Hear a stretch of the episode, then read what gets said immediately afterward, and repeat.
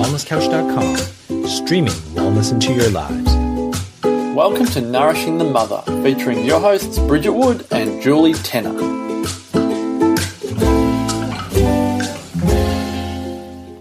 Hello and welcome to Nourishing the Mother. I'm Julie Tenner. And I'm Bridget Wood. And before we get into today's podcast, we would love to invite you to join our tribe on the website if you haven't yet.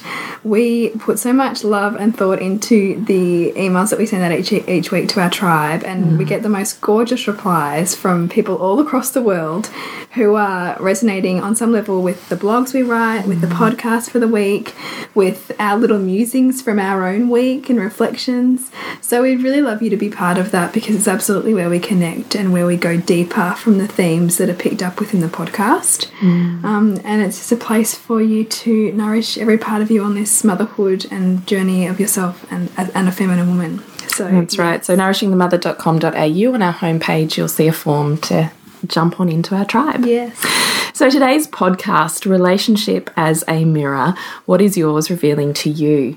Now, we wondered sometimes if this was going to sound a bit cryptic. If you haven't listened to all of our previous podcasts, this is perhaps your first time jumping in. It might mm. be a really mm. foreign um, concept. Like, what does that even mean? Yeah. It's quite abstract. Yeah. So, we might just start because we're in our shadow week of our Loathing to Loving course at the moment, and it is definitely the biggest theme that, that is present this yeah. week.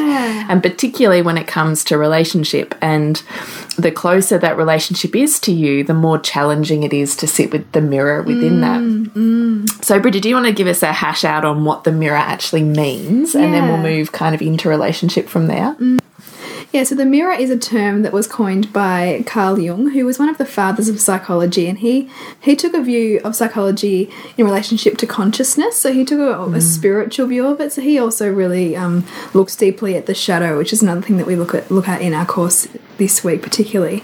Um, and if you consider the mirror in relationship to consciousness, and consciousness being that everything is all one at the level of the soul, and that we are here in a human form to grow, and to grow means to learn to love more parts of ourselves. So, so that we can love more of the whole. That's right? it. That's mm. it. Because if there's a, if everything's whole, then there can't be anything but love to make up that whole. However, love is difficult um, to get our head around when we're triggered. So ultimately, in a human form, we are going to have things all around us that are helping us to grow more whole through integration. Mm. But you can only integrate things to the extent to which you make them you.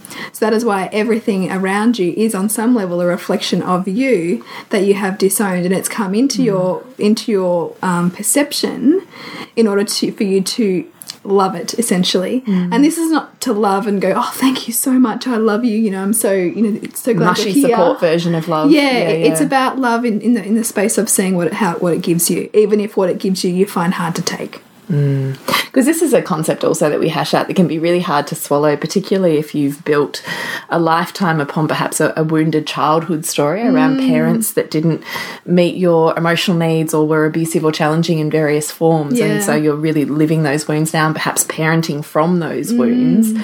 It can be really hard when we're talking about this concept of, of it's all love. Yeah.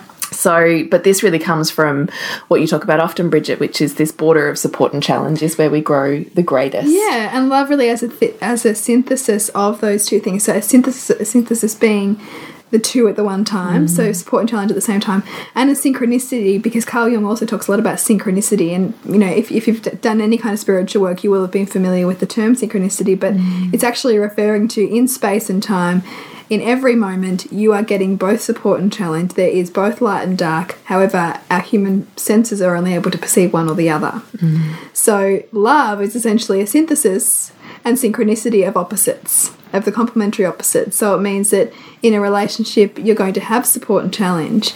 The more you are simply trying to seek a support from your partner, and you have a one sided fantasy of them only giving you support and they should do this for you and they should do that for you, the more they're likely to challenge you, to break your mm. fantasy that they should be one sided. Mm.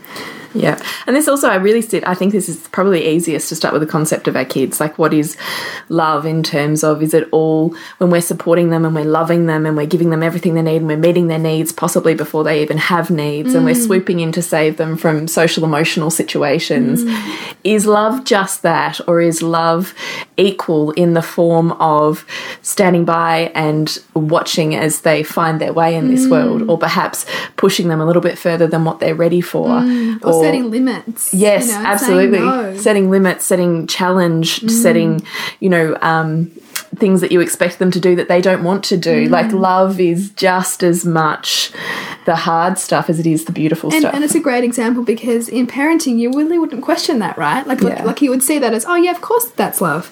But why then do so many people have a difficult time integrating those same theories into a relationship? Absolutely. Absolutely. So that's where we want to go with, Mm. with today's podcast, but it's really worthwhile just kind of understanding the basics of the philosophy from from which we are talking. Yes. So, um, relationship as a mirror, and what is it revealing to you? So, back to this this question is is probably where we want to start with. Um, and what I'm reminded of in our course is a few conversations that we've had within our private Facebook group, and I've responded to a couple of people almost with the same underlying response of your partner is and isn't anything really. Mm, mm. Anything that you are seeing or you perceive is missing is specific to you. Mm. So they are literally a reflection of you so it can be hard to go, but how is that possible? Because it's, you know, they're obviously this individual person and blah, blah, blah. But no, we couldn't, you know, 10 of us could stand in this room and all of us could say, what is, who's Bridget? What does she represent to mm. you? And all 10 of us will come up with a different response about Yeah. who you are. Mm. And it's not that you're any one of those things or not any one of those things. It's that each of us, based on our own stories and perceptions and wounds that we're running, Yep. see something different in Yeah, you. because everybody, everybody, there is no fixed reality. Everyone is filtering their reality, and therefore the people within that reality, based on their own story, values, beliefs, wounds, whatever it is. So that's why you cannot see. It's not like a color. You can't just see. You know, all go, oh yeah, that's green. Yeah. It- it's not the same like that with with people. No. You know, and, and if you think that it is, generally it's because you're surrounding yourself with people who have who have similar views to you. So they'll go, oh yeah, that person is so blah blah blah. But you're going to see it in a very nuanced way. Yeah. Because it's just we cannot possibly see the world the same, and therefore we can't see people the same way. No, absolutely. So when we're in intimate relationship, we say that they're our most intimate mirrors because we can't run from them generally. Mm. We're stuck in a house with them. We have to live through all of the parts that with perhaps friends or colleagues we can choose to exit the room of. Yeah. All of a sudden we're in this soup and this dynamic that we that we can't exit out of. And essentially the very function of, of their presence in your life is to highlight to you the areas for you to grow. Mm. And you conversely for them. Mm. But the, essentially, the point is there's no one fixed reality on any one person. So anything you are seeing or not seeing in them is simply feedback for you, mm. specific to you mm. and your growth, not anything to do, in actual fact, with them. Mm. So this is really challenging though when all of a sudden you're going, oh, but he's so lazy and he, you know, he walked in the door and I was instantly irritated because, you know, da da da da da. And what we're trying to get you to see is that it's not that he is or isn't any of those things. It's why are you feeling irritated? What mm. part of you are you feeling let down by? Where are you not loving you mm. enough? Where mm. you know it's it's taking the thing that you want to make their problem and reflecting it also back inwardly to to what is the feedback and the message. And that's the concept of reflective awareness. So it's that that idea of whatever I'm spotting in them, the- particularly in taking the things that are the most emotionally charged, the things that trigger you the most, and then figuring out why. Like, why do I find it so hard to see that in them? Why do I find that that grates me so much? Where do I also display that same kind of behavior or thing? Might not be in the same form as what they do it, and you might immediately go, "Oh no, I don't do that. No way. Like that's just him. It's just how he is." But also remember, that's also a story that you're likely stacking up evidence of within your mind that's true. But again, it's just one sided.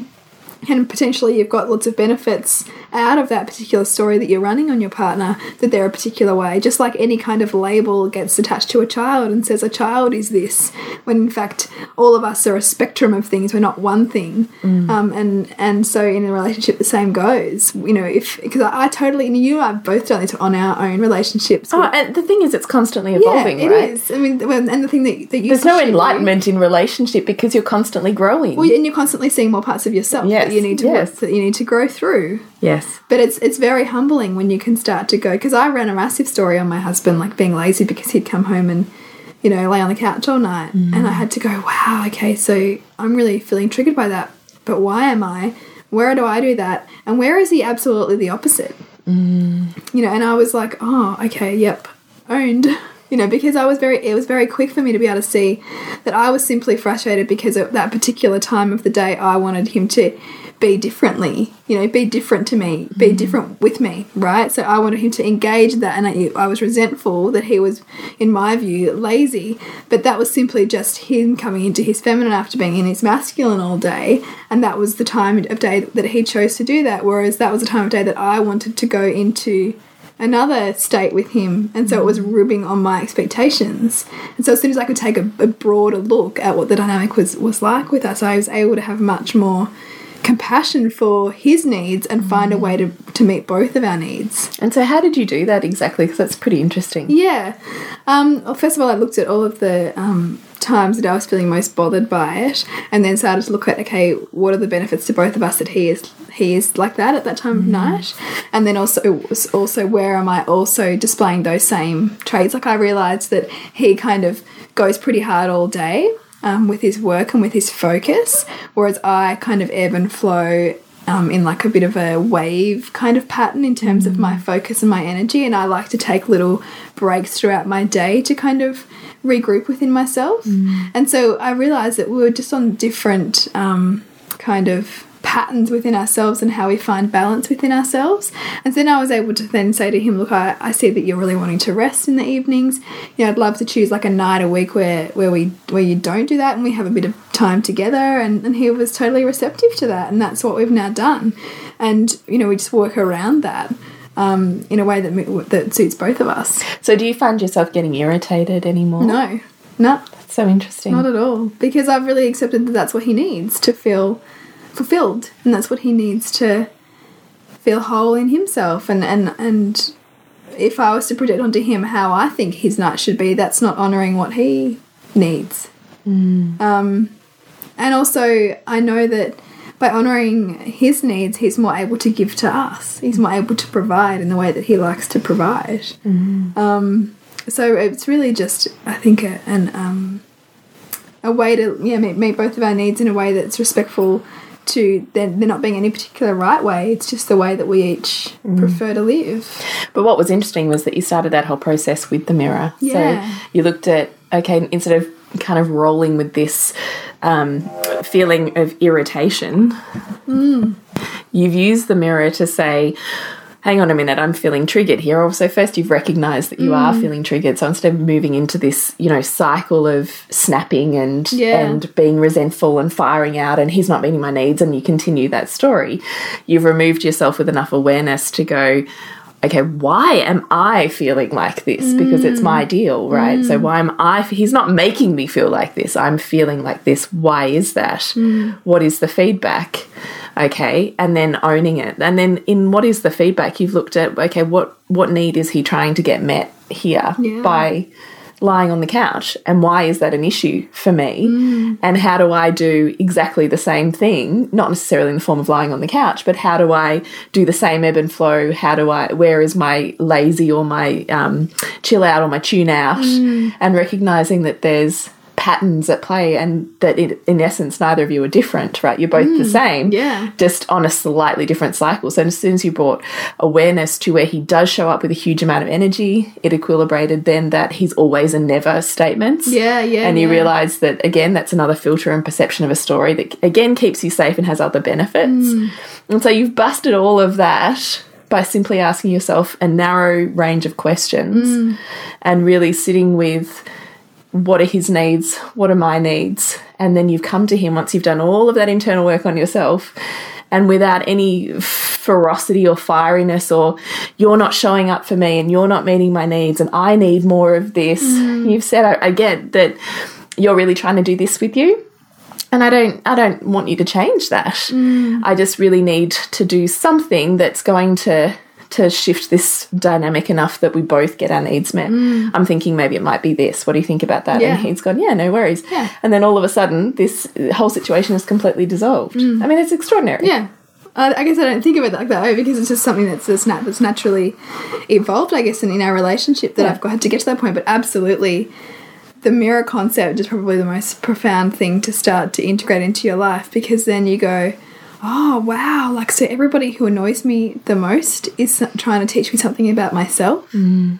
and revealing a message. And I always mm. think the the emotion that you want to attach to that person is in essence you getting angry at you or you getting irritated by you or mm. you feeling like you don't measure up in some way. So whatever you want to attach to that person, it's actually flipping that to, to, to you. Mm. Or I guess if you're speaking to yourself, you'd be saying me. So, you know, I'm he's so irritating. I'm going, why am I so irritated with myself? Yeah, yeah, You know? yeah. Oh, he's so annoying, or whatever it is. Yeah, he never shows me the the verbal recognition that I need. Yeah. Where do I not verbally recognize myself?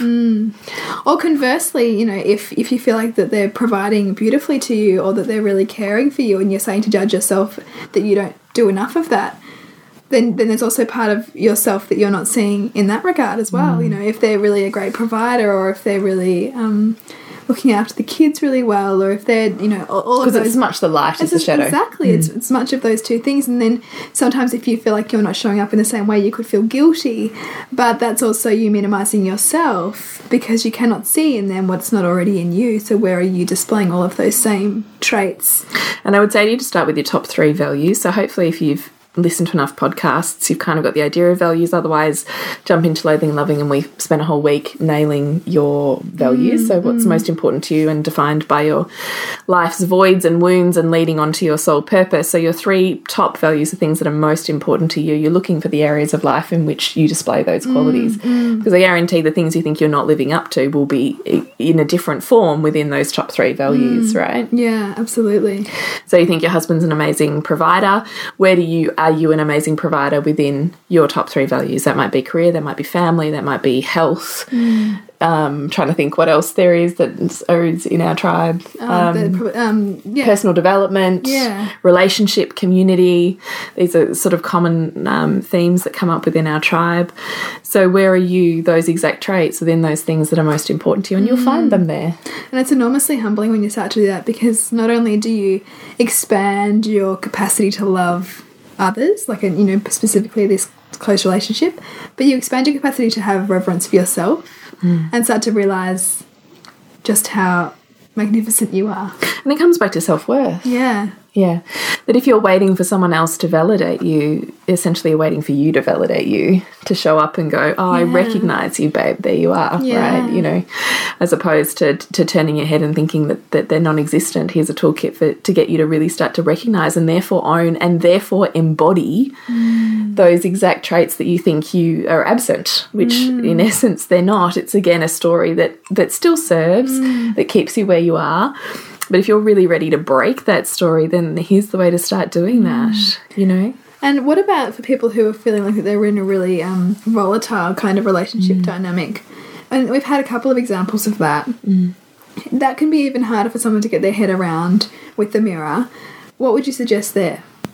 Look, this is a really, I think it's a really deep and complex issue, this particular one, uh, volatility in relationship, because it can go many ways, right? We can be talking about volatility emotionally, which can ultimately lead into physically, and there's a huge spectrum there in relationship. So I want to be careful in our discussion here that we're not making it too. Um, well, when we, we need to make it broad for the topic here, but ultimately, what's revealed in each of those relationships is very specific to, to that to that person's individual Yeah. growth, and there is absolutely always gold to be mined. And whatever situation we find ourselves in, there is always wisdom for us there to grow through. Um, but I guess in terms of a general concept, whenever I'm seeing relationships that are emotionally volatile in, in various ways, so um, lots of fighting and then lots of making love, and then they're passionate and then they're not, and you, you know, you find, uh, you know, or you're flicking anger off, you don't speak to them for three days, and then oh no, you're okay, and you're giggling again. This sort of yo-yoing of emotion. I find that a really interesting dynamic because I often think that's when we're, we're really stuck in our inner child. Mm. We're really stuck in our previous wounds. We're really speaking from a wounded place. So we're reactionary, mm. we're emotionally reactionary, we're defensive. Mm. There's very little vulnerability and softening. There's a lot of just hardness that's kind of flicking up. And no one wants to take ownership because everyone wants to make it the other person's problem. Yeah. And when we're not willing to take ownership for our role within any dynamic, mm. because we always have equal ownership in mm. any dynamic that is going on, mm. then that cycle continues. And I do think this is when it also does come back to mirror, and, it, it, and it's harder, right? I mean, our, our most intimate partnerships will reflect to us ultimately our most ugly parts. And so, where are we continuing to run from those? We continue to run into them. Like, we, we can't, as you said, Bridget, we can't ever run away from ourselves. No. Doesn't matter if you run on a holiday or you run out, out of a relationship and into an affair. Doesn't matter where you run to, you are running from you because everybody is a mirror. And ultimately, whatever you don't deal with just keeps coming up. run into it. Yeah. So, um, do you want to take that anywhere else? Because that's kind of my view on when I'm seeing really emotionally reactive relationships. Yeah, I'd also add a bit around neuroscience too that so much of our reactive tendencies and our kind of um, really triggered emotional stuff is is as a result of our lower brain activity. So it's, it's it's the reptilian part of the brain, which is largely the stuff that is coded in early childhood for us, and that we are continuing to play out those same patterns until we grow through them. So perhaps you had a, some childhood wounding around your own um, voice being heard, perhaps, and you felt unheard, and then you you perceive now that your partner is not hearing you, but that's not actually right now. It's it's your partner in the form of perhaps your father back then who didn't listen, and you are kind of it's like you're grabbing like the file from 1985 and you're mm-hmm. just replaying that same file. And this is because our We replay dynamics. We do. We do. We, we, we mm-hmm. replay dynamics until we've mined the gold from them. exactly. And so mm-hmm. I mean that's also why you know they, this kind of this idea too some relationships end up mirroring your your own relationships growing up because there was there was something that you a dynamic that you found yourself in there that you that you still need to grow through. And your brain is sort of looking for things to to fit that looking for things to go yep that fits that. I'll just I'll just um, respond in that same way that I know. And but you're being called into these continual conflicts now because on some level your higher mind knows you need to go th- grow through it. But yet unless you're gaining mastery over that animal minded reactivity you're going to continue hitting that roadblock. And this is why the concept of the mirror and saying to look at look at where you are those things that your partner's displaying to you can help you start to break that um, cycle, I suppose, within your own psyche that's pulling up those old patterns. Yeah, and I would also say have a look at the emotion that you are getting to vent in those Yeah. situations. Yeah. Because often we can, if we're not consciously finding outlet for, um, well, I think for most often women, it's it's our darker emotions. Yeah, yeah. So it's rage and anger and you know frustration and all of this stuff. If we haven't actually consciously got a practice where we can eliminate those from our bodies, not eliminate's not the right word, but express them Yeah. rather than repress them, we're going to call in circumstances in which we'll get to flick them out. Yeah. And just to get them out of our body because they kind of mm. build up like a volcano and then they're like, blah, here we go. And we all have them, know. right? So, you know, maybe it's when you're driving on the road, or maybe it's when you call Centrelink, or, you know. Yeah, yeah, yeah. But there'll be, I mean, these are these are parts of us we can't get rid of, right?